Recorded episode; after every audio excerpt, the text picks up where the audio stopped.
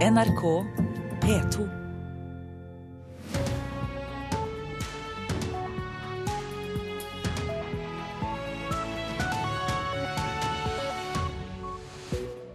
Her i Nyhetsmorgen ønsker Øystein Heggen deg velkommen til sending. Dette er eh, våre saker. Forsvarssjefen varsler dype kutt i det norske hæren dersom Forsvaret ikke blir tilført mer penger. Et eh, falskt bilde, sier SVs Bård Vegar Solhjell. Forbrukerne har ingen rettigheter når de kjøper spill, film eller lydbøker på nettet. Nye lover trengs, krever Forbrukerombudet. Ungdom på 16 og 17 år må få alminnelig stemmerett ved kommunevalg. Det mener bl.a. AF, og vi skal høre om et prøveprosjekt i Porsgrunn. Og etter gårsdagens seier mot Stabæk håper Rosenborg-treneren å møte Viking i cupfinalen. Lekkasjene som NRK har kommet med fra Forsvarets fagmilitære råd, møter delte reaksjoner blant stortingspolitikerne. Etter det NRK kjenner til, står det i dokumentet at Norge enten må øke forsvarsbudsjettet med 9 milliarder i året, ellers får vi et forsvar uten evne til å forsvare Norge mot et væpnet angrep. Kravet om mer penger møter forståelse i Fremskrittspartiet, mens SV og Bård Vegar Solhjell er sterkt kritisk til det partiet mener er et falskt bilde av virkeligheten. Bård Vegar Solhjell er forsvarspolitisk talsmann for SV. Han er kritisk til det som kommer frem i lekkasjene fra forsvarssjefens fagmilitære råd. Dersom vi blir forelagt to alternativer, der det ene er umulig å velge og framstår som en katastrofe, det andre massiv vekst, da vil jeg reagere veldig sterkt på det. Det må være større dybde og flere nyanser i noe som presenteres som et faglig råd. I går kunne NRK legge frem en foreløpig oversikt over hva som kommer frem i det graderte dokumentet fra Forsvarets toppledelse. Om en uke gis det til regjeringen, og bildet er dystert. Forsvarssjefen mener det trengs 180 milliarder kroner ekstra over de neste 20 årene for å holde Forsvaret ved like. Hvis ikke varsler han store kutt og nedleggelser. Mitt inntrykk er at mange nå ser sitt snitt til å grave fram gamle krav om en voldsom militær satsing pga. den spente sikkerhetspolitiske situasjonen. Men det er et falskt bilde hvis man sier at vi må velge mellom massive satsinger eller katastrofe på den andre sida. Det fins heldigvis fornuftige mellomløsninger. Men forsvarssjefen møter også forståelse på Stortinget. Harald Nesvik fra Fremskrittspartiet mener vurderingene bør lyttes til. Forsvarssjefens jobb er å fortelle politikerne hvor er vi, altså hvor står vi per i dag? Hvilke type utfordringer ser jeg for meg akkurat nå, som vi vil kunne møte der fremme. Det er en del av det arbeidet som skal gjøres. Men vi må ta signaler på alvor, og så må vi som politikere gjøre vår jobb for å sørge for at vi, for at vi har et godt og oppegående forsvar for fremtida. Reporter eh, Eirik eh, Veum. Og Kjetil Stormark, velkommen. Du er forfatter og redaktør for det undersøkende journalistprosjektet Norges forsvarsevne på nettstedet Aldri mer. Og har forsvarssjefen rett i at det norske forsvaret er så underfinansiert og trenger 180 milliarder kroner de neste 20 år? Ja, han har, han har, nok dessverre det. Ehm, det er et veldig stort etterslep i Forsvaret på vedlikeholdssiden. Det er veldig mye som står svært dårlig til. Internt i Forsvaret er det slik at ehm, man opplever at dette er et, unnskyld, et minimumsforslag eh, som forsvarssjefen kommer med. Jeg er nødt til å utfordre Solhjell bitte litt. fordi ehm, det forsvarssjefen egentlig gjør, er at det alternativet han legger fram, som fremstår som skrekkelig, er egentlig det han ble bedt om av regjeringen om å utrede. Som var hva ville vi få for pengene, og hva ville konsekvensene bli dersom det videreførte dagens forsvarsbudsjett med nullvekst eller 0,5% vekst. Det er egentlig det han bare svarer på. Eh, og så kom han med en anbefaling, som han nå fikk anledning til å gjøre, eh, på hva han foreslår. Han ligger fortsatt veldig langt under det Norge egentlig har eh, forplikta seg til i Nato-toppmøtet i Wales i september i fjor, som er en 2% av BNP på forsvarsbudsjettet i løpet av ti år. Han har lagt seg mange, mange milliarder under det. Eh, eh, han oppleves internt i Forsvaret som å være altfor for, for, forsiktig i det, den anbefalingen han faktisk fremsetter. Ja, men Både du og forsvarssjefen tar da for gitt at de trenger alle disse pengene. Hva er det i den sikkerhetspolitiske situasjonen som tilsier det? Det er en massiv opprustning på eh, russisk side av grensen eh, i nord. Vi er et av landene i Nato som deler grense med Russland, som eh, har vist at de nå har en reell vilje til bruk av militærmakt. Ja, Men er de en trussel mot Norge? Foreløpig er det ikke en trussel mot Norge, men de som er satt til å gjøre denne jobben med å vurdere om det er militære trusler mot Norge, de pleier å si at dette er en eh, kombinasjon av å vurdere evne og intensjon. Eh, foreløpig så har man en enorm overveldende evne, som blir stadig mer eh, bekymringsfull. Og intensjonen kan endre seg i løpet av meget kort tid. Dersom det skjer andre steder, ting, hvis det skjer ting andre steder i, i verden, verden, som f.eks. i Baltikum, så kan Norge som Nato-medlem meget raskt befinne seg i en slags uerklært eller erklært krigstilstand eh, mellom Nato og Russland. Og Det betyr at vi må ha en selvstendig nasjonal evne til å kunne håndtere den type trusler og den type scenarioer. Men hva slags forsvar trenger vi da? Fordi det er store kostnader knyttet til de nye F-35-flyene, til fregatter, til å holde ubåtene flytende. Eh, er det riktig prioritering Forsvaret gjør av disse store, kostbare prosjektene? Det er helt åpenbart mulighet for å spare penger internt i Forsvaret, og det jobber de med. Eh, de har gjennomført en, en eller ikke bare én, men flere utredninger for å se på det. Eh, og her er det snakk om å få ta flere milliarder i besparelse internt. Det jobber forsvarssjefen ganske eh, samvittighetsfullt med, så vidt jeg kjenner til. Men eh, samtidig så er det sånn at Forsvaret i dag er så lite. Generalløytnant Robert Mood, som er Norges representant i Nato i Brussel, har sagt at Norge, eller den norske hæren mer bestemt, vil være i stand til å forsvare et veikryss i, i Oslo sentrum. Den har krympet fra 165 000 eh, soldater til ca. 5000 i dag. Det er ikke noe som er i nærheten av å ha en tilstrekkelig avskrekkende effekt, som militærfaglige eh, eh, altså offiserer snakker om, som er en, en, forebyggende terskel for å forebygge krig. Sånn at det ikke er altfor fristende å utfordre Norge dersom man skulle komme på slike tanker. Helt kort til slutt, eh, hvordan forholder norske politikere seg til det du beskriver der? Det, det, er det, det, er jo det dette handler om. Eh, avviket i virkelighetsoppfatning. Hvor Forsvaret har vært altfor lite flinke til å fortelle om hvordan det egentlig står til. At man har vært altfor ansvarlige eh, forhold til at mye av dette er gradert materiale. Eh, og ikke vært eh, tydelig nok på hvor dårlig det egentlig står til. Mange takk skal du ha, Kjetil eh, Stormark, som eh, altså er ansvarlig for det undersøkende journalistprosjektet Norges forsvarsevne. Og vi legger til at bevilgningene til Forsvaret også er tema for Politisk kvarter. Debatt der mellom SV og Høyre. Ungdom på 16 og 17 år må få alminnelig stemmerett ved kommunevalget. Det mener AUF, eh, og i år deltok Porsgrunn for andre gang på et prøveprosjekt hvor ungdom på 16 og 17 år får stemme. Og vi skal også høre deres stemmer. Det er ikke et sånn lureriengasjement. Det er ikke noe sånn tullball. Det er liksom ikke Piratpartiet får ikke 12% Det er reell interesse for politikken, og det må vi ta på alvor. Det sier leder for AUF i Telemark, Felix Volpe.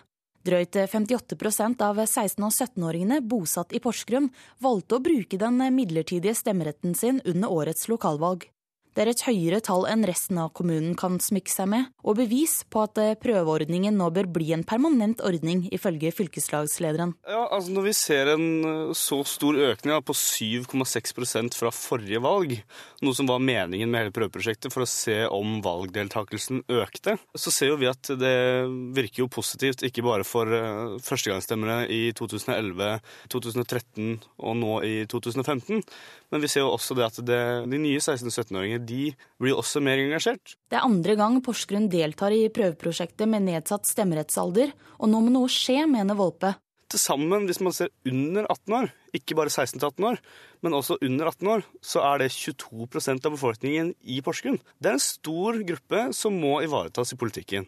Men fortsatt er det for tidlig å si om ungdom på 16 og 17 år vil få rett til å stemme permanent, sier statssekretær Jardar Jensen i Kommunal- og moderniseringsdepartementet. Nå skal vi eh, evaluere dette valget, og vi har fått noen eh, utenforstående forskere til å se på det, og eh, hva dette kan bety også i fremtiden. Og Når det gjelder Porsgrunn, så er jo de spesielt interessante, for de var jo med forrige gang det også var et valg. Og Det vi ønsker å se er jo har dette påvirket valgdeltakelsen blant eh, dagens eh, førstegangsvelgere, altså de ordinære førstegangsvelgerne?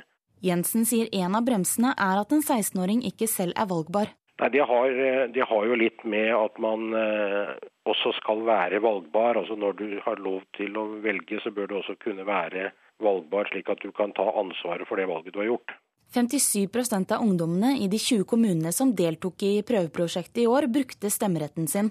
Det er en nedgang fra forrige gang prosjektet fant sted, da 58% av ungdommene deltok. Jensen har tidligere uttalt til NRK at han var skuffa over lav valgdeltakelse, men det er ikke Volpe enig i. Med mindre det blir obligatorisk stemmerett, så kommer det alltid til å være mennesker som ikke engasjerer seg i politikk. Jeg synes fortsatt 58,6 det vil jeg si er ganske bra. Så det å bruke disse tallene vil jeg absolutt ikke se som et nederlag inn mot liksom, forhandlinger for 16-årig stemmerett. Vi kommer til å pushe på. Jeg tror nok ikke det blir vanskelig å gjøre dette her kanskje innen neste kommunevalg. Og forskerne skal legge fram rapporten om prøveprosjektet til våren. Reporter Maria He Furulund. Avisene nå. For Jotun-konsernet bidrar svak krone og en lav oljepris til milliardresultater, får vi vite i Dagens Næringsliv. Malingsprodusenten i Sandefjord leverer rekordtall. Resultatframgangen er på 62% for årets første måneder. Første åtte måneder. LO vil utsette reduksjonen i selskapsskatten, får vi skriver Klassekampen. Industrien tjener så mye på lav kronekurs at det ikke lenger trengs kutt i selskapsskatten nå, sier LO-økonom Stein Regård. Nå får vi en kirke som sier at lesbisk og homofil kjærlighet er like gudeskapt som heterofil kjærlighet. Det sier Gard Sandaker Nilsen til Vårt Land. Han og ektemannen Lasse sa ja til hverandre i 2008, men kunne ikke gjøre det i kirken. Men kirkevalget gir flertall for å vie likekjønnede, viser avisas opptelling. Men bråket i Den norske kirke er langt fra over, skriver sjefredaktør Helge Simones i en kommentar. Risikoen for hjerteinfarkt og hjerneslag reduseres med en tredel, er det Dagbladet kaller årets beste medisinske nyhet. En amerikansk studie viser at mer medisin mot høyt blodtrykk reduserer sykelighet og dødelighet. Men spesialist i allmenn- og samfunnsmedisin Gisle Roksund er skeptisk, fordi resultatene kjøres ut i en mediekampanje uten at kritiske forskere har gjennomgått dataene. Pumper opp eh, Oslo-gjelda for neste år, skriver Dagsavisen. Hver fjerde krone går til lån og pensjoner i det sittende bystyrets budsjett. Derfor må vi ha eiendomsskatt, det sier Arbeiderpartiet i hovedstaden. Det var verre enn fryktet, det sier påtroppende byrådsleder i Bergen, Arbeiderpartiets Harald Schjelderup til Bergenstidene. Og eh, det gjelder altså byens budsjett for 2016 også der. Avtroppende byråd legger opp til mange kutt, bl.a. i sosialhjelp, utekontakten og i tilskudd til tros- og livssynssamfunn. I et lite og falleferdig hus vest i Romania går en storfamilie og håper folk i Bergen er sjenerøse mot bestemor. Bergensavisen forteller om Angelica Bobu, som tigger på gata i Bergen for barnebarna. Hun klarer å sende om lag 400 kroner i måneden hjem til Romania. Rosenborg tok seg til cupfinalen etter å ha slått Stabæk 3-2 i ekstraomganger i går kveld. Nå håper RBK-trener Kåre Ingebrigtsen at hans gamle klubb Viking blir motstander på Ullevål stadion. Siste hinder før cupfinalen er unnagjort. Nå satser Rosenborg-trener Kåre Ingebrigtsen på at hans gamle arbeidsgiver Viking blir motstander. Jeg syns det er artig å møte Viking. Jeg syns jeg kjenner trenere, jeg kjenner spillere. Jeg synes, og ikke minst supporterne i Stavanger syns jeg fortjente det. I kveld møtes Viking og Sarpsborg 08 til semifinale i cupen. En kamp Ingebrigtsen mener laget fra Stavanger fortjener å vinne. Ikke noe forkleinelse for Sarpsborg, men det er litt sånn etter jeg har vært der i to-tre år, så, så syns jeg det, klubben der hadde fortjent det. Ingebrigtsen ønsker seg Viking, mens tidligere Viking, nå Rosenborg-spiller Jan Erik Delanlé sliter med å velge mellom Sarpsborg og sin gamle klubb. Det er utrolig vanskelig å svare på. Eh, men eh, det er jo sånn at jeg unner Viking all suksess. Men eh, det, hvis de kommer til cupfinalen, så står det jo i vei for det jeg har lyst til å å gjøre det, og det å vinne. Fylle byen med rogalendinger og trøndere tror jeg blir en heidundrende langhelg i Oslo. Reporter Petter Moen Nilsen. Klokka den passerte nettopp 6.47. Dette er uh, hovedsaker. Tidligere leder av Nobelkomiteen Torbjørn Jagland mener Geir Lundestad har kommet med løgn og injurierende påstander om ham i boka 'Fredens sekretær'. Og vi får mer om det etter klokka sju. Boliglånsrenten for de beste kundene kan snart komme ned på ett-tallet, venter eksperter. I dag blir det klart om Norges Bank endrer styringsrenta. Og forbrukerne har ingen rettigheter når de kjøper spill, film eller lydbøker på nettet. Hør mer om det snart i Nyhetsmorgen. Vind og vær tørket ut treverket i husene i Lærdal før storbrannen i fjor. Dermed kunne brannen spre seg svært raskt. Nå undersøkes dette værfenomenet videre ved Høgskolen Stord Haugesund. Og to studenter ved utdanningen for branningeniører skal også sammenligne brannutviklingen i tørt tre kontra fuktig tre. Høyskolelektor Arjen Kreienfeldt er veileder. Vi skal gjøre et lite brannforsøk her. Vi holder på med et forskningsprosjekt. Vi har bygd eh, la oss si, små bygninger. og Så har vi akklimatisert de sånn at de inneholder forskjellige mengder med fukt. Og Så brenner vi én etter én, og så ser vi på brannforløpet. Det er jo sånn at når bygget er tørre, eller når materialene er tørre, da vil det brenne fortere. Men hvor mye eh, fortere? Det skal vi finne ut. NRK fortalte tidligere denne uka om professor Torgrim Log ved Høgskolen Stor Haugesund sin forskning på værfenomenet som førte til at husene i Lærdal i Sogn og Fjordane før storbrannen i januar 2014 tørka ut både innvendig og utvendig. Dette førte til at husene raskt ble overtent, og at brannen spredde seg kjapt til nabohus. Så beklager, gutter. Ja, det er jo viktig at hvert forsøk blir mest mulig likt. Det er bare én ting vi ønsker å variere, og det er fuktighetsinnholdet i treet. I brannlaben på Høgskolebygget i Haugesund har Arjen Kreiefelt sammen med branningeniørstudentene Håkon Oleisen og Anders Hole denne uka satt i gang de første brannforsøkene. 16 miniatyrhus med ulik fuktighet skal testes. Vi kan detektere på hvilket tidspunkt det tar fyr i materialene. Og Så måler vi hvor raskt brannen sprer seg, og hvor fort temperaturene stiger. Til slutt får vi noe som vi kaller for overtenning, dvs. Si at flammene kommer ut av døråpningen. Og Det tidspunktet blir målt også. Og Det vil gi oss en indikasjon om vi gjør dette forsøket med forskjellige bygninger. Hvor mye tid det vil ta når man har et, eh, en fuktig versus en tørr bygning.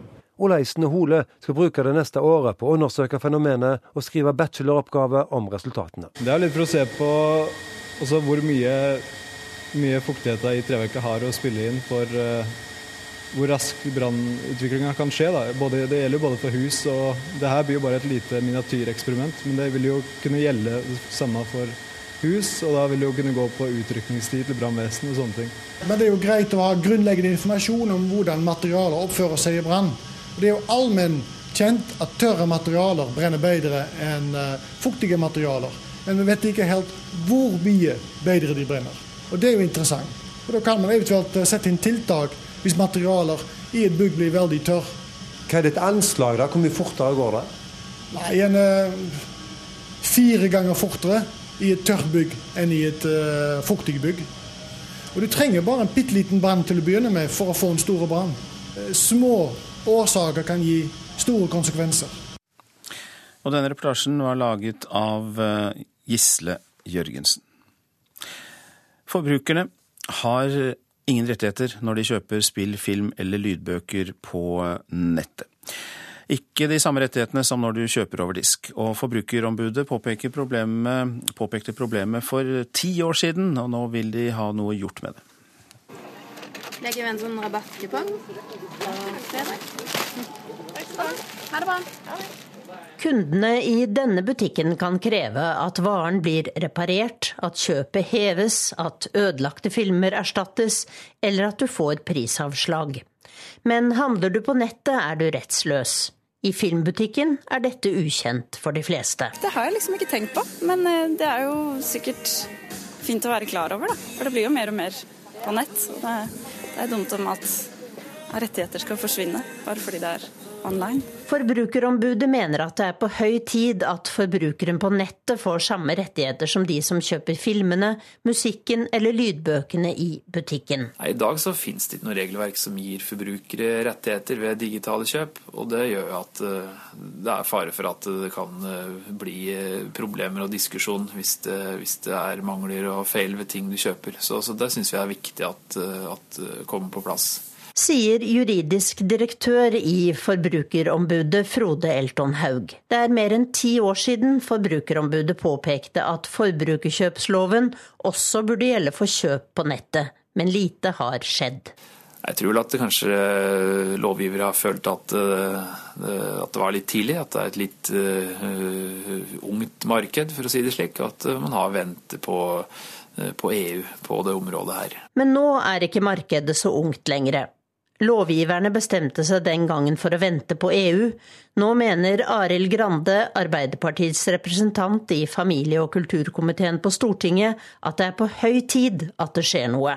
Jeg mener jo at eh, regjeringa bør ta initiativ til å styrke forbrukernes rettigheter også når det gjelder immaterielle verdier og kjøp av det.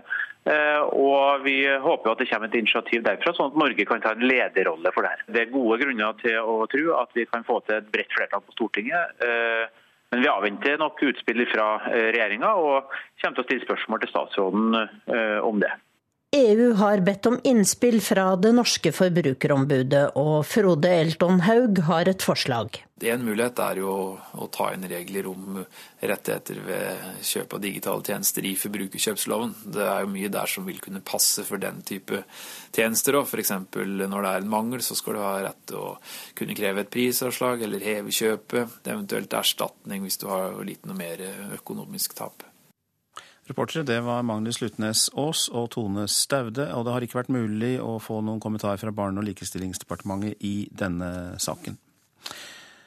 En eh, urbefolkning i Sør-Amerika framstilles som kannibaler i en ny skrekkfilm. The Green Inferno handler om en gruppe amerikanske ungdommer som reiser i Peru og blir tatt til fange av en fremmed urbefolkning.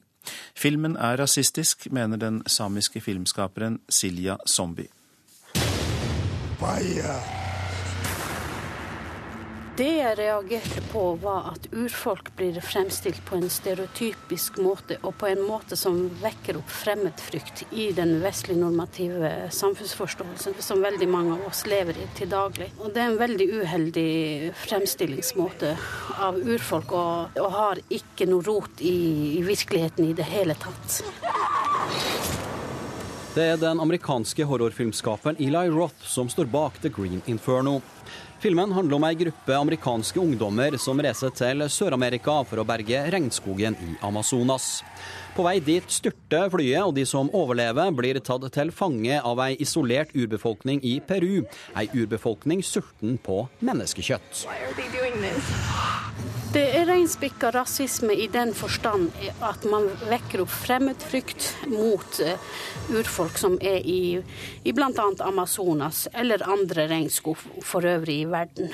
Og i det legger jeg da at uh, enhver person som drar dit, uh, kan risikere å bli spist opp av kannibaler, for å sette det helt på spissen. Det er det denne her filmen da formidler.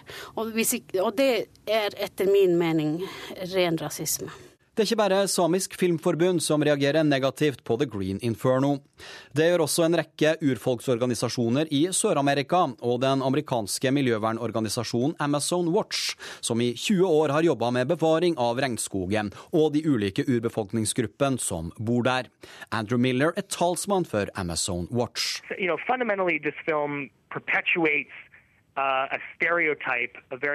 Filmen opprettholder stereotypien av urfolk som primitive og usiviliserte mennesker, ei fremstilling som i århundrer har blitt brukt for å rettferdiggjøre kolonisering, imperialisme og folkemord, mener Andrew Miller. continues to play into current day policies which essentially lead to human rights violations and lead to environmental destruction. Verken Eli Roth eller produksjonsselskapet BH Tilt har så langt svart på NRKs henvendelser. Men i et intervju med Business Insider i fjor avviste regissøren alle beskyldninger. Påstanden om at en fiksjonsfilm kan skade urbefolkninga i Amazonas er absurd, spesielt siden olje- og gasselskap daglig ødelegger landsbyer i Amazonas, uttalte Roth. Reporter Rune Norgård eh, Andreassen. Og en eh, reklamefilm for Visit Finland ble tidligere i uka trukket tilbake fordi samer i Finland mente filmen var krenkende. Denne filmen viste mennesker i uekte kofter og med sot i ansiktet som danset rundt bålet mens de spilte trommer. Visit Finland har nå offisielt bedt om unnskyldning, melder eh, kringkastingsselskapet Yle. Så er det værvarselet og fjell i Sør-Norge først. Sørøstlig periodevis liten kuling utsatte steder og skyet vær. Enkelte regnbyger seint i ettermiddag, og det blir regn i Langfjella. Østlandet får eh, sørlig periodevis liten kuling på kysten fra i ettermiddag. I kveld kortvarig stiv kuling. Det blir skyet vær på Østlandet. Lokal morgentåke også. Enkelte regnbyger, og i kveld regn. Telemark sørøstlig sørlig liten kuling på kysten i ettermiddag. I kveld kortvarig stiv kuling. Seinere sørvestlig opp i liten kuling. Det blir skyet vær i Telemark og lokal morgentåke også der, og enkelte regnbyger fra seint i ettermiddag regn. Agder sørlig liten kuling på kysten fra i ettermiddag. Skyet vær, lokal morgentåke. Regnbyger, seinere regn. I kveld oppe i liten kuling på kysten og regnbyger. Og vi går til Rogaland med sør og sørøst liten kuling utsatte steder. Fra i formiddag kortvarig stiv kuling på kysten. Det blir regn og regnbyger. I ettermiddag minkende vind og regnbyger. Hordaland og Sogn og Fjordane sør og sørøst liten kuling utsatte steder. Fra i formiddag kortvarig stiv kuling på kysten. I ettermiddag sørvestlig frisk bris. Regn og regnbyger. Lite nedbør i indre strøk først på dagen, riktignok. Møre og Romsdal periodevis liten kuling av skiftende retning. Skyet eller delvis skyet oppholdsvær. Stort sett pent vær på Nordmøre. I kveld etter hvert regn og regnbyger, og først blir det regn på Sunnmøre. Trøndelag får stort sett pent vær i dag. Fra i ettermiddag utrygt for enkelte regnbyger i grensetraktene. Nordland først på dagen litt regn nord i fylket, men ellers opphold og en del sol til og med. Troms spredt regn først på dagen, seinere oppholdsvær og sol også der. Og Finnmark får litt regn, fra i ettermiddag lettere vær, men fortsatt enkelte regnbyger i kyststrøkene. Og vi går til Nordensjøland på Spitsbergen med litt regn først på dagen, ellers for det meste skyet opphold. Temperaturer klokka fem. Svalbard fire, Kirkenes og Vardø ti. Alta ni, Tromsø åtte, Bodø ni, Brønnøysund elleve, Trondheim 13. Molde ni, Bergen 12, Stavanger 13, Kristiansand 10, Gardermoen 11, Lillehammer 12. Røros hadde 9 grader, Oslo-Blindern 13 grader klokka fem i natt. Ja, her i Nyhetsmorgen spør vi om barnevernet er bedre enn sitt rykte, for vi hørte jo i Dagsnytt at åtte av ti foreldre er svært fornøyd med den hjelpen de får. Tidligere leder av Nobelkomiteen Torbjørn Nageland slår tilbake mot det Nobelkomiteens sekretær Geir Lundestad skriver om ham. Boliglånsrenten for de beste kundene kan snart komme ned på ett-tallet, forventer eksperter, og hageeiernes store skrekk, brunsneglen, ja, den har enkelte steder beveget seg inn i skogen. Ja, Det er altså en rapport som er laget på oppdrag fra Barne-, ungdoms- og familiedirektoratet som viser at åtte av ti foreldre er svært fornøyd med hjelpen de får fra barnevernet. En rekke tiltak i hjemmene gjør at problemene ofte løser seg før barna må settes i fosterhjem. Mange foreldre blir redde da, når barnevernet blir koblet inn for å hjelpe. Vi tørker ansikt og hendene dine. Masse sand. 18 år og en snart ett år gammel sønn i barnevogn. Etter at Mariell ble gravid som 17-åring, mottok barnevernet en bekymringsmelding. Jeg ble jo eh, ganske livredd eh, i starten og tenkte det at eh, nå med tanke på alle skrekkhistoriene, så vil de da velge å frata meg barnet mitt. I dag lanserer Barne-, ungdoms- og familiedirektoratet en rapport om hjelpen barnevernet gir familier som sliter. Forskningen viser at åtte av ti foreldre er fornøyd med samarbeidet og hjelpen de får. Det er tiltak som råd, veiledning, ruskontroll, avlastningshjem og ulike kurs som familieterapi familiene får tilbud om. Barneminister Solveig Horne er godt fornøyd og overrasket over tallene. Jeg har vært veldig opptatt av at vi skal jobbe forebyggende, komme tidlig inn, hjelpe familiene i hjemmet for å unngå omsorgsovertagelser. Og da se at eh, familiene er fornøyde og at dette virker, så er det en gledelig overraskelse som vi kommer til å ta med oss. Jeg syns det er kjempepositivt at det er åtte av ti som føler at det har vært hensiktsmessig og fungert. For det er jo det er jo sånn barnevernet faktisk vil jobbe, at det skal være hensiktsmessig å gi foreldrene hjelpetiltak. Og de vil jo gjerne hjelpe til i hjemmet fremfor å ta ungene ut av eh, hjemmet. Mange tror jo det at så fort barnevernet er inne i bildet, så er de der for å ta barnet ut av hjemmet. Og det, det er ikke tilfellet. Rapporten forteller også hva som må bli bedre. Barn og unge må bli mer delaktige i arbeidet, og man må bl.a. finne nye måter å hjelpe minoritetsfamilier. Minoritetsfamilier skal òg møtes med samme hjelpetiltakene, eh, og få lov til å prøve om du kan ha hjelpetiltak i hjemmet, slik at du slipper omsorgsovertagelser. Det å komme tidlig inn og forebygge er jo noe av det viktigste barnevernet kan gjøre. Eh, så det er et av de punktene som vi er nødt til å ta med oss og forbedre. Hvilke konsekvenser gir det at slike familier ikke får den hjelpen de trenger? I verste fall så blir det en omsorgsovertakelse, og det er jo noe som kan være alvorlig både for familien og ikke minst for barna. Hvis vi da i stedet kunne ha kommet inn og hjulpet familien tidligere, slik at foreldrene kan bli gode foreldre og barna kan få en trygg oppvekst eh, hos sine biologiske foreldre. Og reporter her, det var Eirik Tufteland Kroken. God morgen til deg, Øyvind Kristiansen. Du er prosjektleder eh, for eh, rapporten eh, og er forsker ved Uni Research Helse. Etter det vi nå har hørt her, kan det jo virke som barnevernet er langt bedre enn sitt rykte? Ja, på mange måter kan det virke sånn. Og jeg tror egentlig at det som vi har fått fram, det er en del av barnevernet som kanskje ikke er så veldig synlig, men og kanskje ikke det som opinion og media er mest opptatt av, men likevel som er den største delen faktisk av det barnevernet driver med. Vi hørte om gode resultater her og eksempler på det. Eh, hva er årsaken, tror du, til at mange familier syns det er et eh, tilfredsstillende samarbeid? Jeg tror kanskje at det går på det at barnevernet har mulighet til å gi ganske så fleksibel hjelp. Altså, barnevernet har mange ting å spille på av type tiltak. De kan gi direkte råd og veiledning til foreldre. Systematisk og langvarig og kortvarig.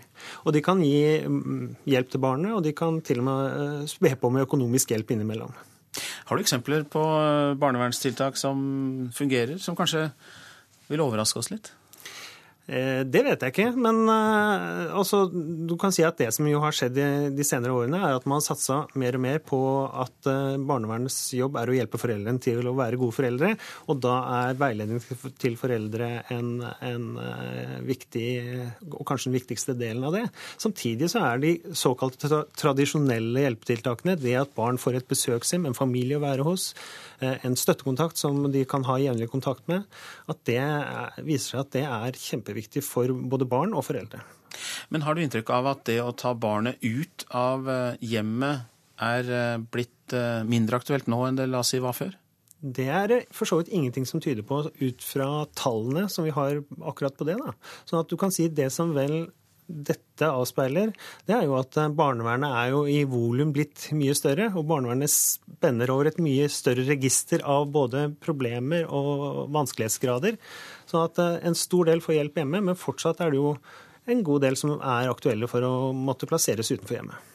Og så er det da nevnt eh, noe som bør bli bedre. Eh, hvilke punkter er det? Nei, Vi ser vel kanskje en liten fare for at den fleksibiliteten som man har i hjelpen i dag, på en måte kan innsnevres ved at man litt ensidig satser på at den eneste, den eneste og viktigste hjelpen foreldre kan få, det er å bli bedre i sitt samspill og kontakt med barnet. Og det er klart at det er utrolig viktig, men det er også så mange problemer i disse familiene at det er kjempeviktig at de også, for, mange av familiene vel å merke, at de også kan få mer hva skal jeg si, allsidig hjelp. Mange takk skal du ha, Øyvind Kristiansen, som var prosjektleder for rapporten og forsker ved Uni Research Helse. Boliglånsrenta nå. Den beste renta kan snart ligge på ett-tallet for noen av kundene, venter eksperter. I dag blir det klart om Norges Bank kutter styringsrenta nok en gang. Og vi har vært ute på gata i Gjøvik. Der er det flere som forventer seg renter godt under 2% Egentlig naturlig at det havner der, slik som situasjonen er rundt omkring i verden. Nei, For min økonomi, som har mye lån, så betyr jo det, det en bedre hverdag. Men for de med penger på bok ser ikke fremtiden like lystelig ut. Nei, det blir jo lite renter hvis du har penger i banken, da. Jeg syns det er lågt. Det betyr at de, de tar jo mer av pengene mine, da. Det er ikke noe morsomt, det. Da tar vi vel ut av alt vi har. Da tar vi ut av pengene mine. For da kan det ikke lønne seg å ha dem der da. Nå ligger styringsrenten i Norge på rekordlave 1 og klokken ti i dag vil Norges Bank sette den ytterligere ned, spår sjeføkonom Jan Andreassen i Eika-gruppen. Jeg er ganske sikker på de kutter. Det er det eneste fornuftige å gjøre nå. Sjeføkonom Kari Due Andresen i handelsbanken Capital Markets er ikke like sikker. Det vi tror Norges Bank kommer til å gjøre, er å kutte renta første gang i desember. Altså ikke nå, men i desember. Men hvis jeg skulle rådet dem til å gjøre noe, så ville jeg kuttet nå, og så kanskje holdt muligheten åpen for et kutt til i desember.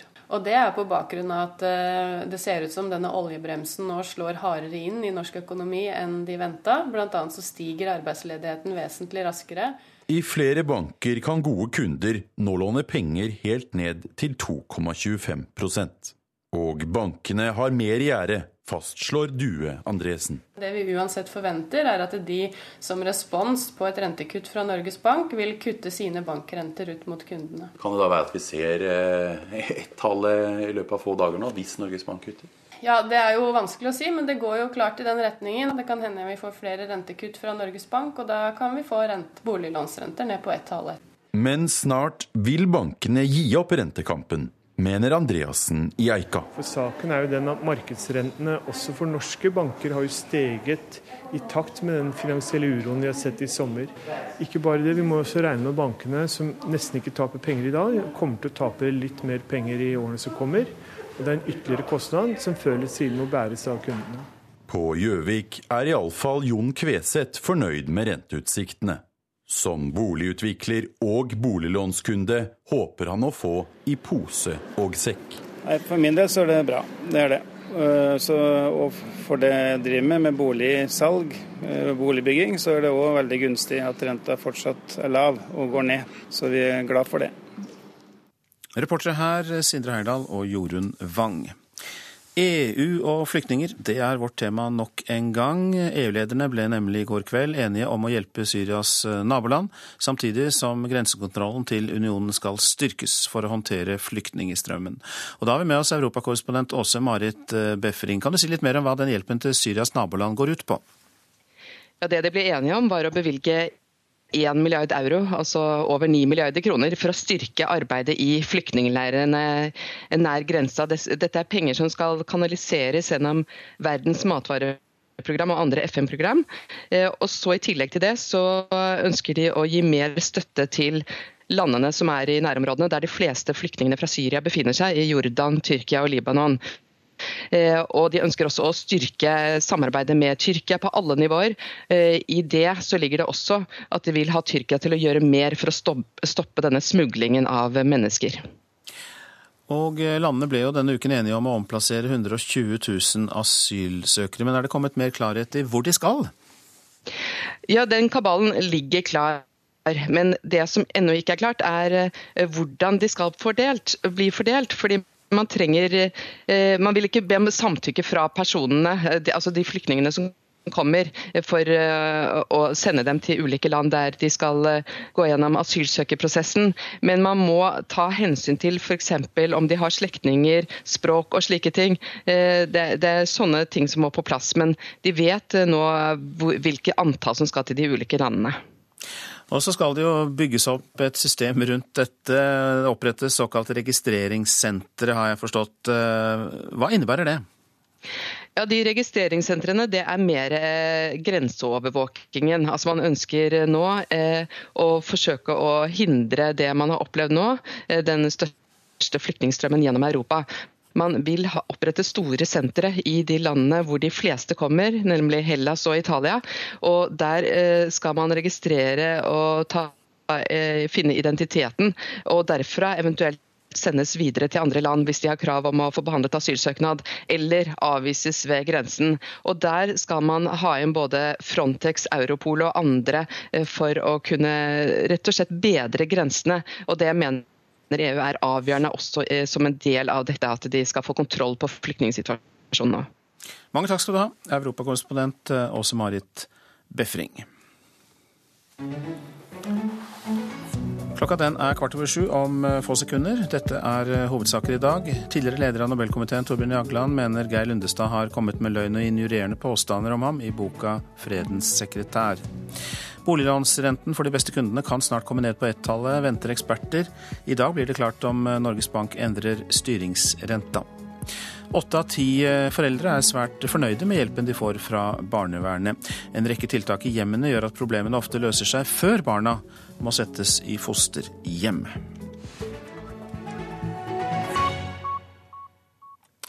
Colombias regjering og den venstreorienterte FARC-geriljaen er enige om å få på plass en fredsavtale i løpet av seks måneder. Det er klart etter et historisk møte mellom den colombianske presidenten Juan Manuel Santos og lederen av FARC-geriljaen, som eh, fant sted i Havanna i går. Partene er nå et stort steg nærmere en endelig fredsløsning. Det sier utenriksminister Børge Brende.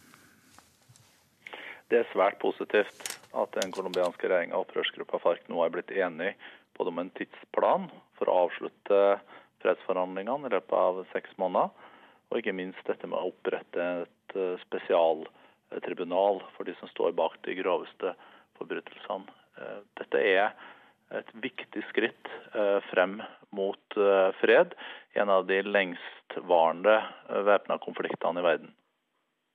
Hva betyr dette fredstribunalet? Det betyr at de som har begått krigsforbrytelser i løpet av Eh, de mange tiår eh, med væpna konflikt eh, i Colombia må stilles til ansvar. Det er over 200 000 mennesker som er drept, millioner som er internt fordrevne flyktninger. Dette har jo vært det vanskeligste punktet, fordi dette betyr jo at både myndighetspersoner og medlemmer av geriljaen må stilles til ansvar. og dette har nå kommet på plass i de eh, siste ukene, ikke minst pga. innsatsen fra norske fasilitatorer eh, på eh, Cuba, bl.a. vår spesialutsending Dag Nylander, som har gjort en trolig viktig jobb. Kan vi stole på at det blir en fredsløsning, da?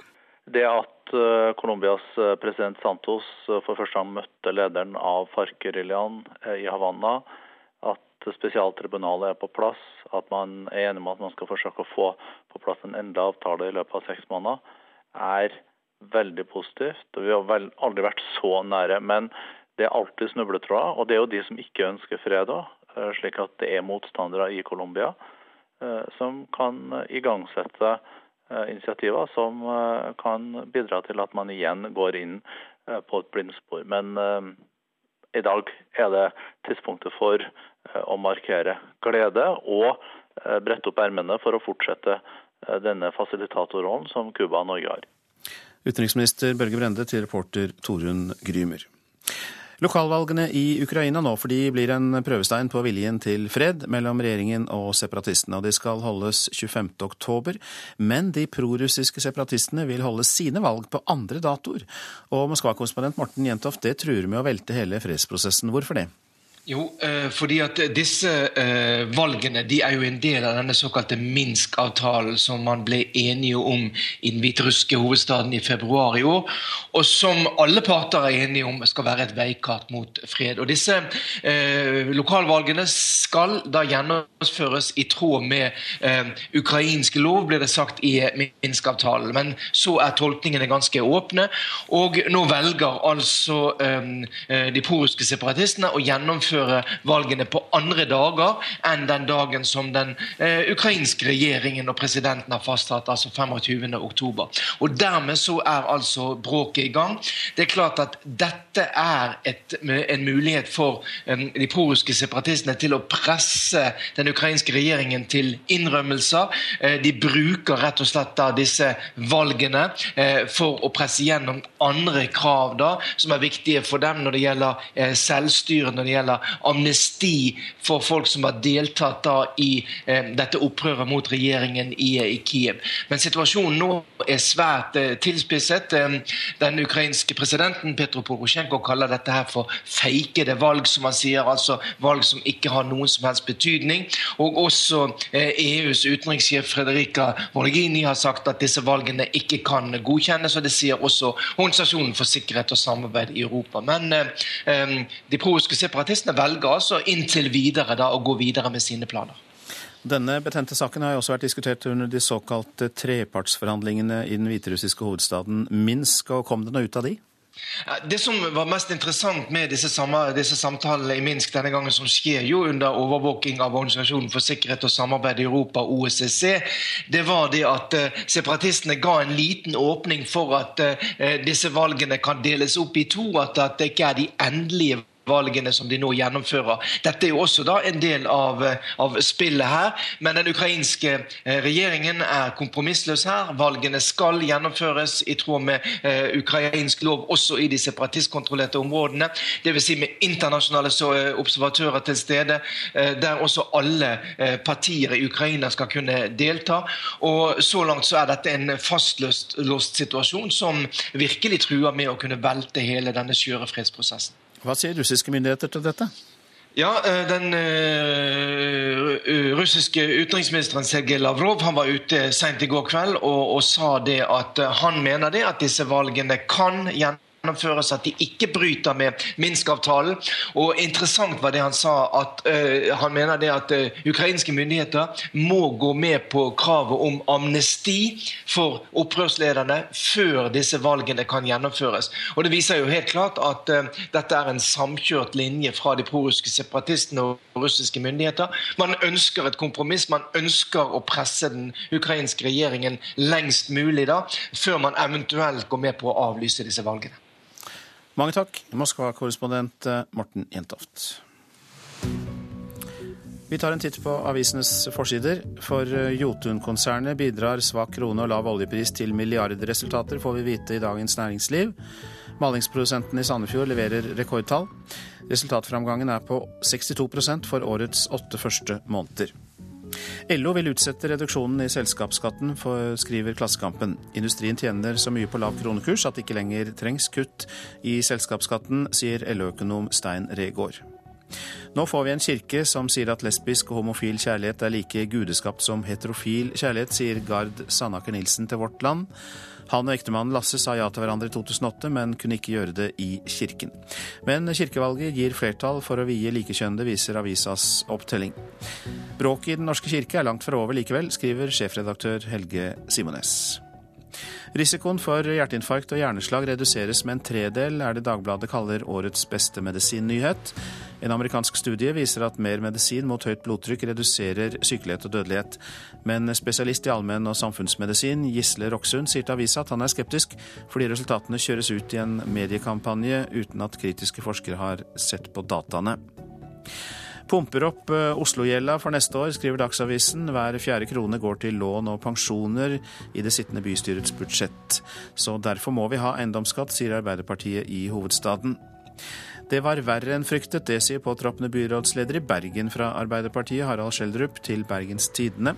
Han snakker også om byens budsjett for 2016. Der legger det avtroppende byrådet opp til mange kutt, bl.a. i sosialhjelp, utekontakten og i tilskudd til tros- og livssynssamfunn. I et lite og falleferdig hus eh, vest i eh, Romania går en storfamilie og håper på folk i Bergen, at de er sjenerøse mot bestemor. Bergensavisen forteller om Angelica Bobo som tigger på gata i Bergen for barnebarna. Hun klarer å sende om lag 400 kroner i måneden hjem til Romania.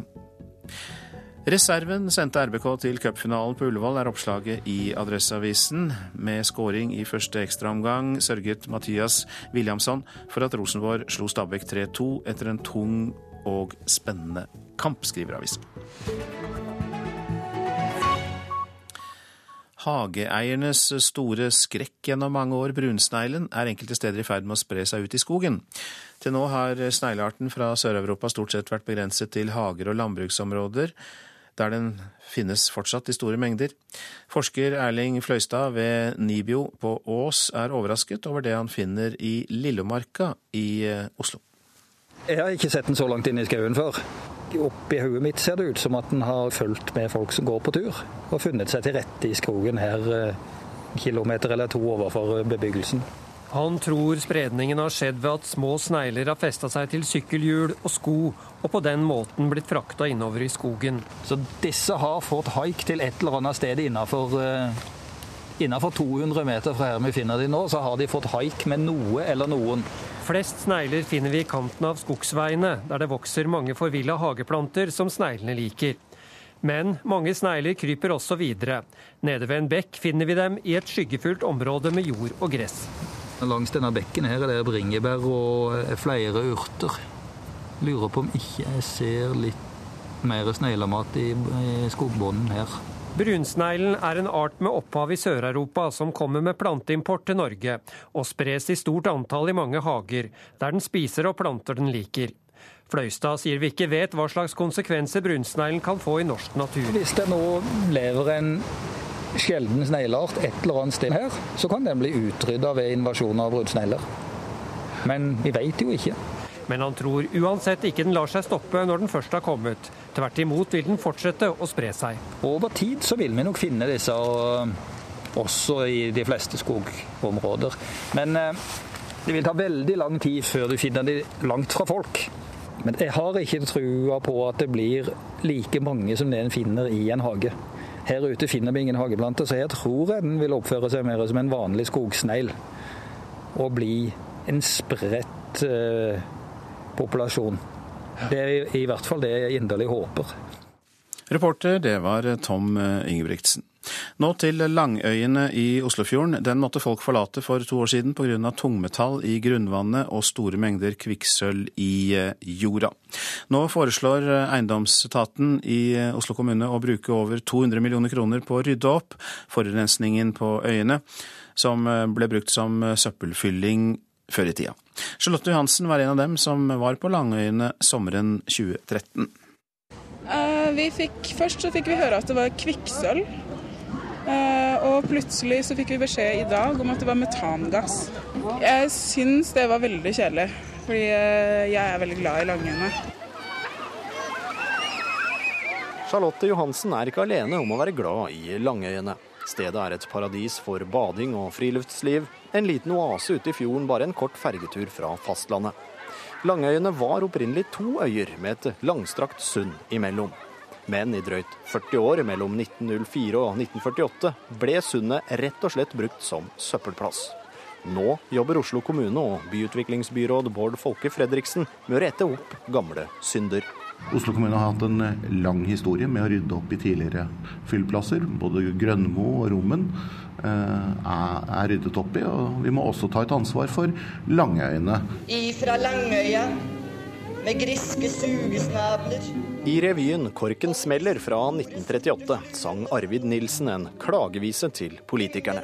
Nilsen likte slettes ikke kommunens plassering av avfallsdeponi, bl.a. fordi alt søppelet ifølge visa avla myriader av svarte fluer. Det ble stekte fiskeboller, fytte faen. Selv om søpla i dag er tildekket, viste undersøkelser for to år siden at massene i og utenfor deponiet var sterkt forurenset. I en fersk utredning fra Eiendoms- og byfornyelsesetaten legges det frem tre alternativer for varige tiltak mot forurensningen på Langøyene.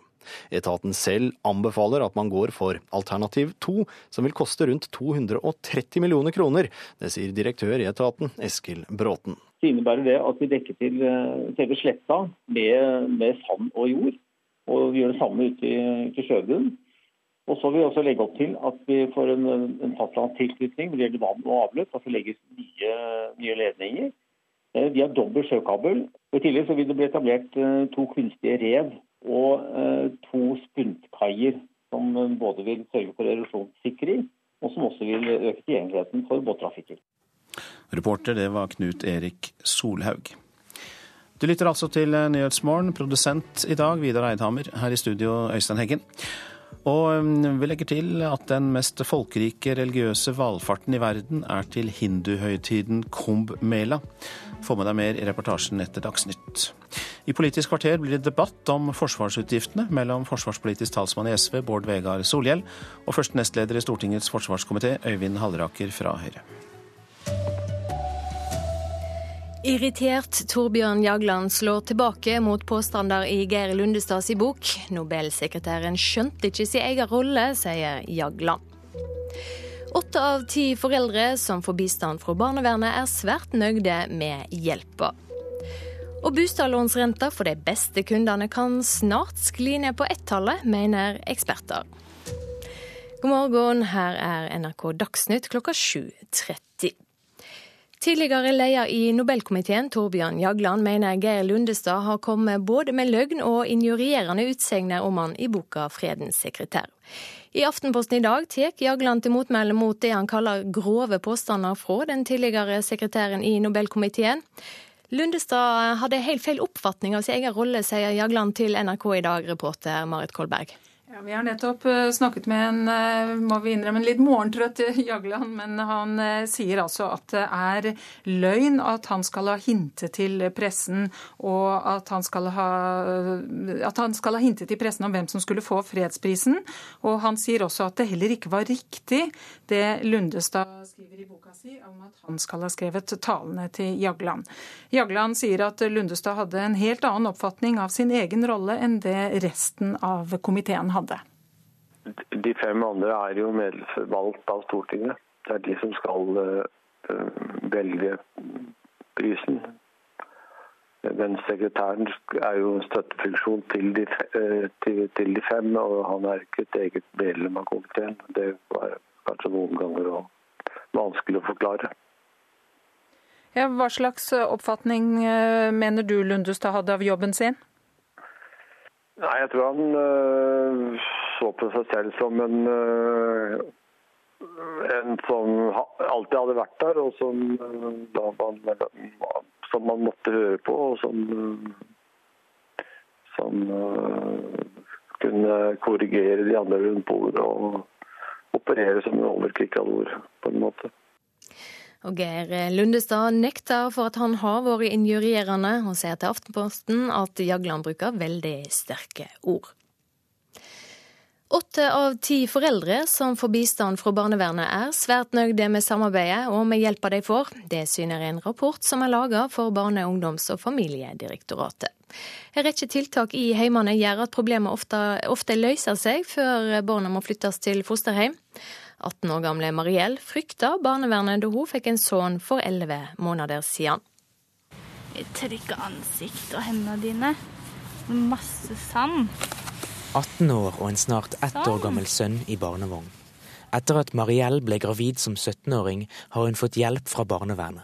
Det kurset her har eh, åtte kapitler, så jeg er fordelt på åtte ganger, eh, hvor de kommer eh, hjem til meg én gang i uken. I dag lanserer Barne-, ungdoms- og familiedirektoratet en rapport om hjelpen barnevernet gir familier som sliter. Forskningen viser at åtte av ti foreldre er fornøyd med samarbeidet og hjelpen de får. Det er tiltak som råd, veiledning, ruskontroll, avlastningshjem og ulike kurs som familieterapi familiene får tilbud om. Barneminister Solveig Horne er godt fornøyd og overrasket over tallene. Jeg har vært veldig opptatt av at vi skal jobbe forebyggende, komme tidlig inn, hjelpe familiene i hjemmet for å unngå omsorgsovertagelser. Og da se at eh, familiene er fornøyde og at dette virker, så er det en gledelig overraskelse som vi kommer til å ta med oss. Rapporten forteller også hva som må bli bedre. Barn og unge må bli mer delaktige i arbeidet, og man må bl.a. finne nye måter å hjelpe minoritetsfamilier. Minoritetsfamilier skal òg møtes med samme hjelpetiltakene, eh, og få lov til å prøve om du kan ha hjelpetiltak i hjemmet, slik at du slipper omsorgsovertagelser. Reporter Eirik Tufteland Kroken. EU-toppmøtet i natt har vedtatt å øke hjelpa til Syria sine naboland. Og europakorrespondent Åse Marit Befring, hva slags hjelp er det flyktningene i nærområdet nå skal få av EU? Ja, etter måneder med handlingslammelse så ble EU-lederne altså enige om en rekke større tiltak i går. De vil altså bevilge 9,3 milliarder kroner for å styrke arbeidet i flyktningleirene nær grensa til Syria. De vil også bevilge penger gjennom et støttefond til de tre landene som har flest syriske flyktninger. Og Målet er at færre skal dra fra leirene. Og så vil de ha et tettere samarbeid med Tyrkia på alle nivåer, også når det gjelder smuglingen av mennesker. Ja, fordi De er også samlet om å styrke grensekontroll til unionen. Hvordan skal det skje? Ja, det nye her det er at de ønsker å opprette store sentre i Hellas og Italia, som er der de fleste kommer. og Der skal de registreres, og identiteten deres skal, de skal finne identiteten deres. og derfra så skal de enten da sendes videre for asylsøknad andre steder, eller de skal avvises ved grensen. Ikke som i dag, der man ser at de bare reiser videre på egen hånd. Og Det krever både finansiell støtte og folk som skal da gjennom Frontex, Europol og andre EU-organ. Og EU har gitt seg selv to måneder på å få det første senteret på plass. Kort til slutt, Hvordan var stemninga mellom EU-landene på møtet? Ja, Den var noe helt annet enn dagen før, der de vedtok å fordele 120 000 flyktninger. Den danske statsministeren kallet det en god debatt, men det blir mer bråk nå også i fremtiden når det gjelder disse 120 000. Takk skal du ha, europakorrespondent Åse Marit Befring. Bostadlånsrenta for de beste kundene vil snart ligge på ett-tallet, det venter ekspertene. I dag blir det klart om Norges Bank kutter styringsrenta enda en gang. På gata i Gjøvik er det flere som nå regner med å se renta på godt under 2 egentlig naturlig at det havner der, slik som situasjonen er rundt omkring i verden. Nei, For min økonomi, som har mye lån, så betyr jo det, det er en bedre hverdag. Men for de med penger på bok ser ikke fremtiden like lystelig ut. Nei, det blir jo lite renter hvis du har penger i banken, da. Jeg syns det er lågt. Det betyr at de, de tar jo mer av pengene mine, da. Det er ikke noe morsomt, det. Da tar vi vel ut av alt vi har, pengene mine. For da kan det ikke lønne seg å ha dem der da. Nå ligger styringsrenten i Norge på rekordlave 1% Og klokken ti i dag vil Norges Bank sette den ytterligere ned, spår sjeføkonom Jan Andreassen i Eika-gruppen. Jeg er ganske sikker på de kutter. Det er det eneste fornuftige å gjøre nå. Sjeføkonom Kari Due Andresen i Handelsbanken Capital Markets er ikke like sikker. Det vi tror Norges Bank kommer til å gjøre, er å kutte renta første gang i desember. Altså ikke nå, men i desember. Men hvis jeg skulle rådet dem til å gjøre noe, så ville jeg kuttet nå, og så kanskje holdt muligheten åpen for et kutt til i desember. I flere banker kan gode kunder nå låne penger helt ned til 2,25% det vi uansett forventer, er at de som respons på et rentekutt fra Norges Bank, vil kutte sine bankrenter ut mot kundene. Det kan hende vi får flere rentekutt fra Norges Bank, og da kan vi få boliglånsrenter ned på ett halvår. Denne reportasjen var laga av Sindre Heierdal og Jorunn Wang. Hageeierne sin store skrekk, brunsneglene, er enkelte steder i ferd med å spre seg ut i skogen. Til nå har sneglearten fra Sør-Europa stort sett vært å finne i hager og landbruksområder. Forsker Erling Fløystad ved Nibio på Ås er overraska over det han finner i skogen i Lillomarka nordøst for Oslo sentrum. Jeg har ikke sett den så langt inn i skauen før. Kilometer eller to overfor bebyggelsen. Han tror spredningen har skjedd ved at små snegler har festa seg til sykkelhjul og sko, og på den måten blitt frakta innover i skogen. Innenfor 200 meter fra her vi finner de nå, så har de fått haik med noe eller noen. Flest snegler finner vi i kanten av skogsveiene, der det vokser mange forvilla hageplanter som sneglene liker. Men mange snegler kryper også videre. Nede ved en bekk finner vi dem i et skyggefullt område med jord og gress. Langs denne bekken her er det bringebær og flere urter. Lurer på om ikke jeg ser litt mer sneglemat i, i skogbunnen her. Brunsneglen er en art med opphav i Sør-Europa som kommer med planteimport til Norge, og spres i stort antall i mange hager, der den spiser og planter den liker. Fløystad sier vi ikke vet hva slags konsekvenser brunsneglen kan få i norsk natur. Hvis det nå lever en sjelden snegleart et eller annet sted her, så kan den bli utrydda ved invasjon av brunsnegler. Men vi veit jo ikke. Men han tror uansett ikke den lar seg stoppe når den først har kommet. Tvert imot vil den fortsette å spre seg. Over tid så vil vi nok finne disse også i de fleste skogområder. Men her ute finner vi ingen hageplanter, så jeg tror jeg den vil oppføre seg mer som en vanlig skogsnegl. Og bli en spredt populasjon. Det er i hvert fall det jeg inderlig håper. Ja, Det sa forsker Erling Fløystad ved Nibio til reporter Tom Ingebrigtsen. Ansvarlig for Dagsnytt, Anne Skårseth. Teknisk ansvarlig, Marianne Myrhol. Her i studio, Silje Sande.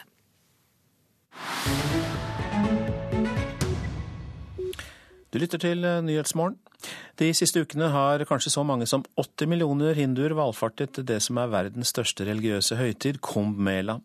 I år har den eldgamle festivalen i India tatt moderne teknologi i bruk, bl.a. for å kontrollere folkemengdene og sjekke pilegrimenes helse. Wenche Eriksen har laget denne reportasjen.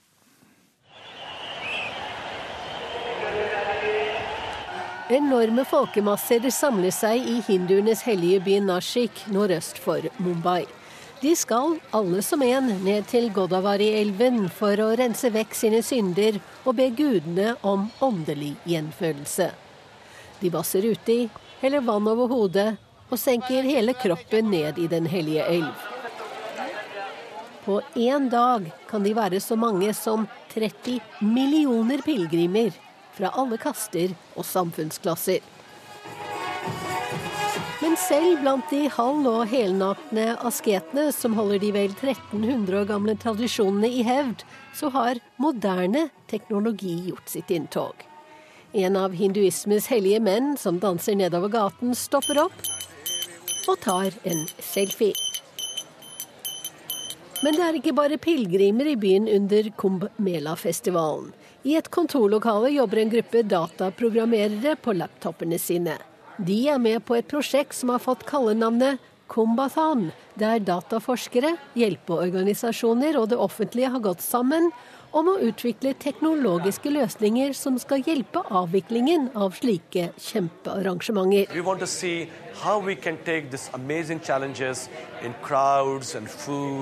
Det er utrolige utfordringer knyttet til så mange mennesker og mat, sikkerhet og transport, sier Amesh Rasker til nyhetsbyrået Ap. Han er førsteamanuensis ved medialaben til Massachusetts Institute of Technology i Boston. Vi ville se hvordan vi kunne gjøre dette til en datakyndig pilegrimsferd, sier han.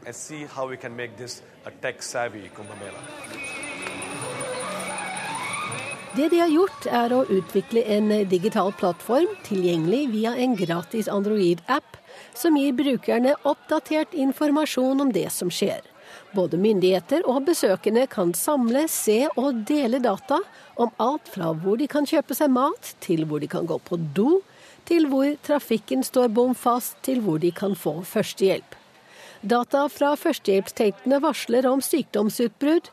Mobiltrafikken i et bestemt område forteller hvor de største folkemengdene er til enhver tid. Da vet politiet hvor de må sette opp barrierer eller slippe folk inn puljevis. Da Komela ble feiret i Nashik for tolv år siden, gikk det fryktelig galt. Flere titalls mennesker ble drept da det brøt ut panikk i folketrengselen. Det håper de å unngå nå.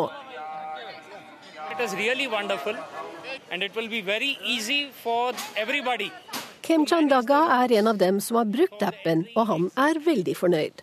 Og Pratik Shah ved MITs Medielab ser for seg at prosjektet kan få stor betydning også på lengre sikt. Millions of Indians from all over the country, of all caste, classes, race, and ethnic backgrounds congregate on Nasik. And we think that this is a perfect setting to sample the country, inform people,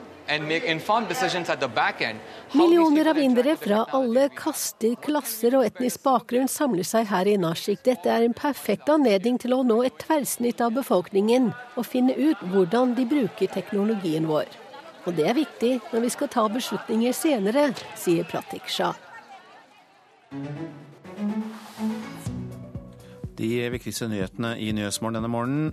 Tom Torbjørn Jagland slår tilbake mot påstander i Geir Lundestads bok. Nobelsekretæren skjønte ikke sin egen rolle, sier Jagland. Åtte av ti foreldre er svært fornøyde med hjelpen de får fra barnevernet. En rekke tiltak i hjemmene gjør at problemene ofte løser seg før barna må settes i fosterhjem. Det viser altså en undersøkelse. Boliglånsrenten for de beste kundene kan snart komme ned på ett-tallet, venter eksperter. I dag blir det klart om Norges Bank endrer styringsrenten. EU-toppmøtet har i natt eh, vedtatt å øke hjelpen til Syrias naboland. Det er også enighet om å styrke kontrollen ved unionens grenser. Om eh, få sekunder er det klart for Politisk kvarter, og programleder der i dag er Håvard Grønli.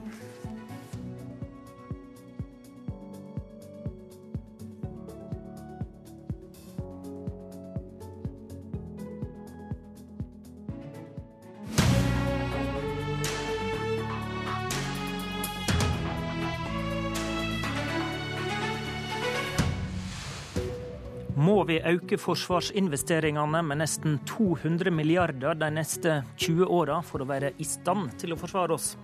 Eller er det bare skremselspropaganda? Det blir maktskifte i Bodø. De som pakker kontoret, frykter det vil føre til at veksten og utviklinga stopper opp. Velkommen til Politisk kvarter. NRK presenterte i går hovedinnholdet i forsvarssjefens fagmilitære råd, som blir lagt fram for forsvarsministeren neste uke. Rådet sier kort oppsummert at vi må bruke 180 milliarder ekstra på Forsvaret de neste 20 åra, om vi skal opprettholde og modernisere Forsvaret omtrent som i dag. Alternativet som er stilt opp, er ingen kostnadsvekst. Det vil kutte Hæren til to bataljoner og gjøre at vi må kvitte oss med alle tunge stridsvogner, artilleri, ubåter og Orion-fly, og redusere Kystvakta og droppe ti av de bestilte F-35-flyene, for å nevne noe. God morgen, Bård Vegar Solhjell, forsvarspolitisk talsmann i SV. God morgen. Vi har hørt deg si i Nyhetsmorgen at det er et falskt bilde at vi må satse på massiv satsing eller ei katastrofe. Opplever du dette som forhandlingstaktikk fra Forsvaret? La meg først få si at eh, nå har jo ikke forsvarssjefen fått presentert sitt faglige råd ennå. Før vi i hvert fall begynner å diskutere alle enkeltheter og detaljer og tall, syns han skal få gjøre det. Eh, men når jeg likevel velger å gå inn i debatten nå, er det fordi at hvis den ender med eh, at vi må velge mellom katastrofe eller massiv pengesluk, så får vi en elendig debatt, og vi får en falsk debatt. Jeg har aldri opplevd i politikken at det er sånn at vi blir stilt overfor et sånt valg. Og For meg høres det ut som eh, Det kan ofte være at noen prøver på et grep der de sier at hvis ikke vi gjør sånn som det her, eh, og vi får mye mer, så blir det katastrofe. Sannheten er at vi skal ta stilling til hvordan vi skal bygge videre et sterkt nasjonalt forsvar. Vi har et godt norsk forsvar i dag. Under den rød-grønne regjeringa vokste budsjettene jevnt og trutt. Men vi har utfordringer, særlig med hvordan vi skal ivareta vår, vårt store territorium i nordområdene. Og vi har en utfordrende situasjon med et mer ustabilt Russland, som eh, har stor vekst i forsvarsbudsjettet. Og det er neppe mulig å opprettholde med nullvekst? Altså, Jeg tror det på mange områder innenfor Forsvaret vil være viktig å styrke det i åra som kommer. Men eh, det er òg nødvendig å være klar over at for det første er Norge blant de landene i Nato som bruker mest på forsvar per innbygger.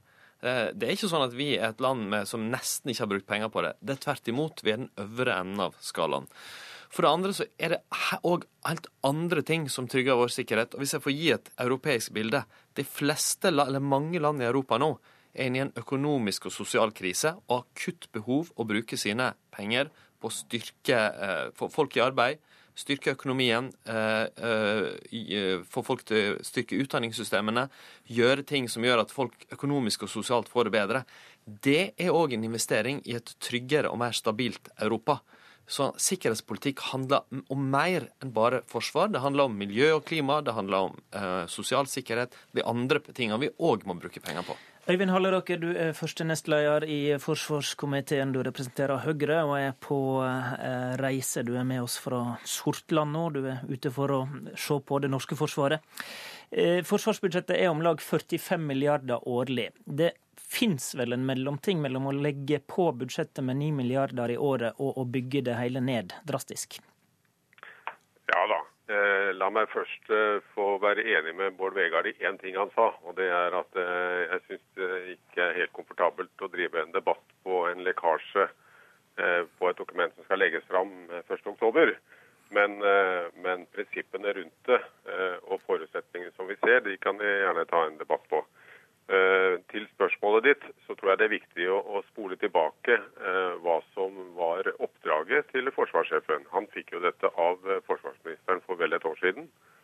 Der fikk han eh, anledning til å forholde seg til eh, to forskjellige vekstkurver eh, økonomisk.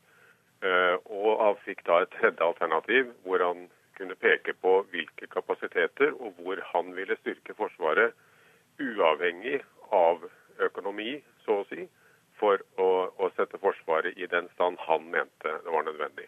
Så han har gjort det han uh, fikk i oppdrag om. Og, og, er ikke det nettopp det som Solhjell peker på, da, at da får du en svart-hvitt-debatt? Nei, han har, fått, uh, han har, fått, anledning til å peke på to uh, økonomiske scenariobaner og én bane som går på reell styrking av kapasiteter, operativ emne og se struktur opp imot dette. Og Det er det han har gjort, og det er det vi som eh, politikere nå må forholde oss til. Solhjell. Nei, altså jeg regner med at når det her blir lagt fram, så vil det ha langt mer dybde og flere nyanser enn den, det som foreløpig er presentert i en litt, sikkert litt forenkla nyhetssak fra NRK. Men det er klart, vi må også stille oss spørsmålet dersom vi nå får presentert det sånn, at hvis vi har nullvekst, altså at vi følger lønns- og prisstigning, eh, mm. men ellers ikke noe Da, da blir det nedbygging. Ja, sant? Vi bruker i dag ca. hvis jeg ikke husker feil, 43 milliarder kroner i året på Forsvaret. Et av de landene i Nato som bruker mest per innbygger.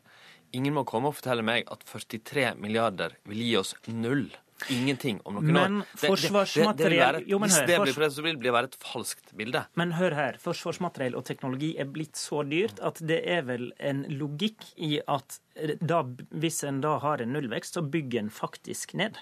Ja, det, er det, det, det, er helt riktig at på noen områder i samfunnet, det kan være samme deler av helsevesenet, så det, kommer det ny, nytt teknologisk dyrt utstyr som har en høyere prisvekst enn andre deler av samfunnet. Mm. Men det er fortsatt ikke sånn at det blir null igjen. Og så må vi politikere eh, gjøre et valg. På noen områder så tror jeg det vil være bra med vekst. På andre så må jo vi spørre oss sjøl òg Gjør vi investeringer som er så dyre at det spiser opp resten av budsjettene? Et eksempel F-35, det nye kampflyet vårt. Vi har besluttet å kjøpe 52 som et utgangspunkt.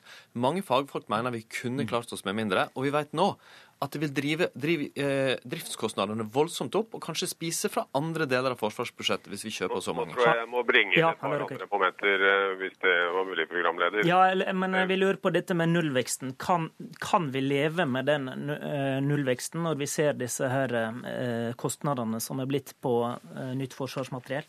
Jeg har ingen grunn til å tro at disse beregningene er gale. Og da er svaret på spørsmålet at det kan vi ikke. Vi er nødt til vi må opp. forsvarsbudsjettene. Men jeg også eh, har lyst til å bringe inn en dimensjon her som, eh, som ikke er blitt eh, omtalt. Og det er den sikkerhetspolitiske situasjonen som Norge i dag befinner seg i. Og som også forsvarssjefen har fått beskjed om å, å legge til grunn. Og vi har også, Det er riktig kanskje som Solhjell sier, at per innebygger så, så er forsvarsutgiftene høye. Men da skal vi også huske at vi har et, eh, et langt eh, og komplisert eh, land å, å forsvare. Vi, vi, ligger under Natos mål om 2% av BNP. Det er mange land som ligger over det. Vi har en stor nabo i øst som altså ligger på snart 5% av sitt BNP. Har rustet opp kolossalt, også langs eh, vår nordlige grense. Så, de, så derfor må vi opp, er ditt argument? Det er helt klart. Vi må vise at vi også er villige til å ha en forsvarsevne på egne ben.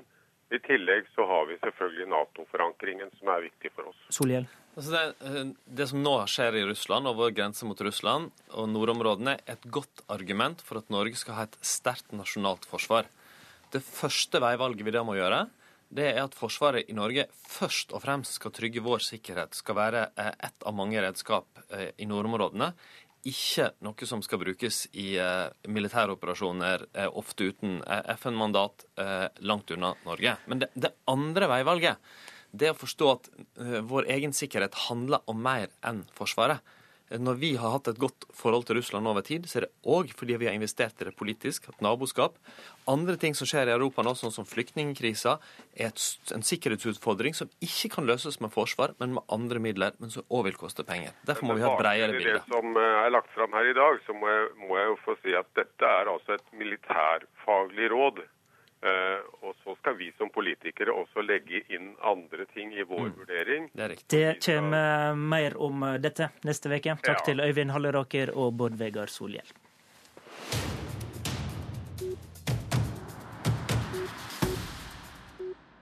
God morgen i Bodø, påtroppende ordfører for Arbeiderpartiet Ida Pinnerød. God morgen, god morgen. Forsvarslekkasjene er kanskje egnet til å skape uro i din by også? Det er klart at vi kunne gjerne ha diskutert forsvarspolitikk eh, her i Bodø også. Men vi skal diskutere noe annet, for eh, Ap tar altså over makta etter Høyre og Frp i Nordlands viktigste by, og partiet har nå funnet sammen med SV, Senterpartiet, Rødt og MDG. Dette skaper ikke særlig med begeistring hos de blå, og det har særlig vært byutvikling som har blitt diskutert heftig i valgkampen, og også underveis mens det ble forhandla om makta. Eh, Bodø by har som ambisjon om å vokse kraftig framover, men hvordan skal det gå når de nye makthaverne setter stopp for kapasitetsøkning på veiene, sier nei til nye kjøpesenter og gjør om på områder som er regulert til byutvikling? Allan Ellingsen, du er avtroppende varaordfører for Frp. Hva er du redd for vil være konsekvensen av den politiske avtalen som nå er forhandla fram? Jeg tror at Bodø kommer til å bli en eh, fattigere by. Eh, grunnen til det er at man nå har gjennom lang tid lagt til rette for næringsutvikling som skaper arbeidsplasser i Bodø ved å utvikle næringsområder, legge til rette for infrastrukturløsninger, bygge, legge til rette for 6000 nye boenheter i Bodø. Eh, og ved at partene er enige om at det ikke skal foretas eh, kapasitetsøkning på vei, så vil jeg si at det ikke kommer noen nye veiutbygginger. Det vil si at det heller ikke kommer noen nye næringsarealer. Det vil si at det heller ikke kommer noen nye næringsboligområder. Det gjør at Bodø kommer til å bli en fattigere by der man stagnerer den veksten som i dag gjør at Bodø er nest mest voksende i Norge. Ida Pinnerød, kommende ordfører. Er du en som vil gjøre byen til en fattigere by og avgrense veksten med dette? Nei, absolutt ikke. Vi har jo tvert imot en veldig aktiv politikk nå, og en veldig aktiv plattform for en mer eh, levende by. For en by som tar klimakrisen på alvor. Eh, jeg er ikke så overraska over at eh, Frp og Allan Ellingsen ikke ønsker å ta de grepene som vi ønsker å gjøre nå, nemlig for å sørge for å møte de klimautfordringene som verden står overfor. Men, men, men, men, men, hvis en skal gjøre om på områder som er regulert mm. byutvikling, stoppe mm. etablering av kjøpesenter, ikke ha mm. trafikkvekst, er ikke stopp i veksten faktisk en konsekvens, da? Nei, det er det ikke. Det er mange måter å utvikle en by på og et sentrum på. Det å eh, si at vi ønsker å prioritere sentrumsutviklinga, handelen, eh, ordinære butikker og forretninger i stedet for store eh, kjøpesenter, er en aktiv politikk for en mer levende sentrum. Jeg må bare bryte inn, fordi at, fordi at eh, altså, I et klimaperspektiv så er det sånn at vi nå har en bydel for eksempel, som består av 15 000 mennesker. Det er altså større enn en, det er altså fem ganger en gjennomsnittlig nordlandskommune. De får altså ikke nå muligheten til å få sitt eget kjøpesenter og må kjøre ei mil inn til byen dersom de skal handle. Og Det er denne type ting som jeg også mener i et sånn klimaperspektiv blir så bakstreversk. Ting ikke... henger rett og slett Nei, ikke det, sammen. Det, altså, dette er jo en veldig misforstått, uh, for, altså, misforstått opplevelse av hva som ligger i den planen. Uh, når det gjelder Mørkved, som er et en av bydelene som Ellingsen her peker på, så har de allerede et kjøpesenter som eh, skal eh, bygges opp igjen etter en brann. Eh, det er mange forretninger der ute, og vi kommer til å legge til rette for at det skal skapes gode nærmiljø der folk bor. Men, men det, er men det sånn som er viktig, er jo også hva det, det ønsker Ellingsen å gjøre. Nei, det det høres ut som her, er jo det det høres ut som her er jo at Jeg bestemmer, da, da gir vi ord til Ellingsen. Ja, det det høres ut som her, det er jo faktisk at Pinnerød nå går bort ifra den avtalen som er inngått i forhold til kapasitets økning på vei. For bl.a. boligområder er det altså i plan- og bygningsloven krav til veiløsning for å få lov til å bygge. Og Vi har områder i Bodø med opptil 1000 nye boliger. og det er klart at Uten ny vei så kommer det ingen boliger der. og det er jo det som er spørsmålet. Hvordan svarer du på det, Pinne? Ja, nei, altså Vi er jo i gang med en av de største, eller den største veiutbygginga som er, eh, har vært i Bodø, nemlig Bypakke Bodø. Det er jo ikke sånn at vi kommer til å sette hull i de, eller fylle de tunnelene som vi har begynt å ta hull i. Men den er ikke nok. Den er ikke vei til disse nei, boligområdene. Nei, men vi skal gjennomføre Bypakke Bodø på en ordentlig måte, men vi gjør noen andre prioriteringer enn Frp. Vi prioriterer gang- og sykkelstier, vi prioriterer kollektivløsninger, vi prioriterer mer klimavennlige løsninger Utfordringa med det er jo at dersom man skal prioritere kollektivløsninger, så er man avhengig av at bilister kjører gjennom bomstasjonene for å finansiere de gang- og sykkelveiene som Arbeiderpartiet nå ja. ønsker å bygge. Ja, og med mindre, mindre, biltrafikk, så er det klart at da blir det heller ikke penger til å bygge ut gang- og sykkelvei. Så her henger ting rett og slett ikke på greip. Jo, det henger på greip, Allan Ellingsen. Og i stedet for å sette ned bompengene sånn som dere har ønska, så ønsker vi å bruke penger til gang- og sykkelvei eh, og til kollektivløsninger. Sånn at det er to forskjellige innfallsvinkler på hvordan man skal møte de store utfordringene som verden og Bodø står overfor knytta til klima. Takk til Ida Pinnerød og Allan Ellingsen i Bodø, der de har kommet seg i mål eh, med forhandlingene. Vi venter fortsatt på de to største byene her i landet. Etter en tid med sonderinger er det venta at Miljøpartiet De Grønne i Oslo vil varsle i formiddag hva for de sier de vil gå i reelle forhandlinger med. Følg med på NRK nyheter om det på radio, nett og TV. I studio i Politisk kvarter var Håvard Grønli. Hør flere podkaster på nrk.no podkast.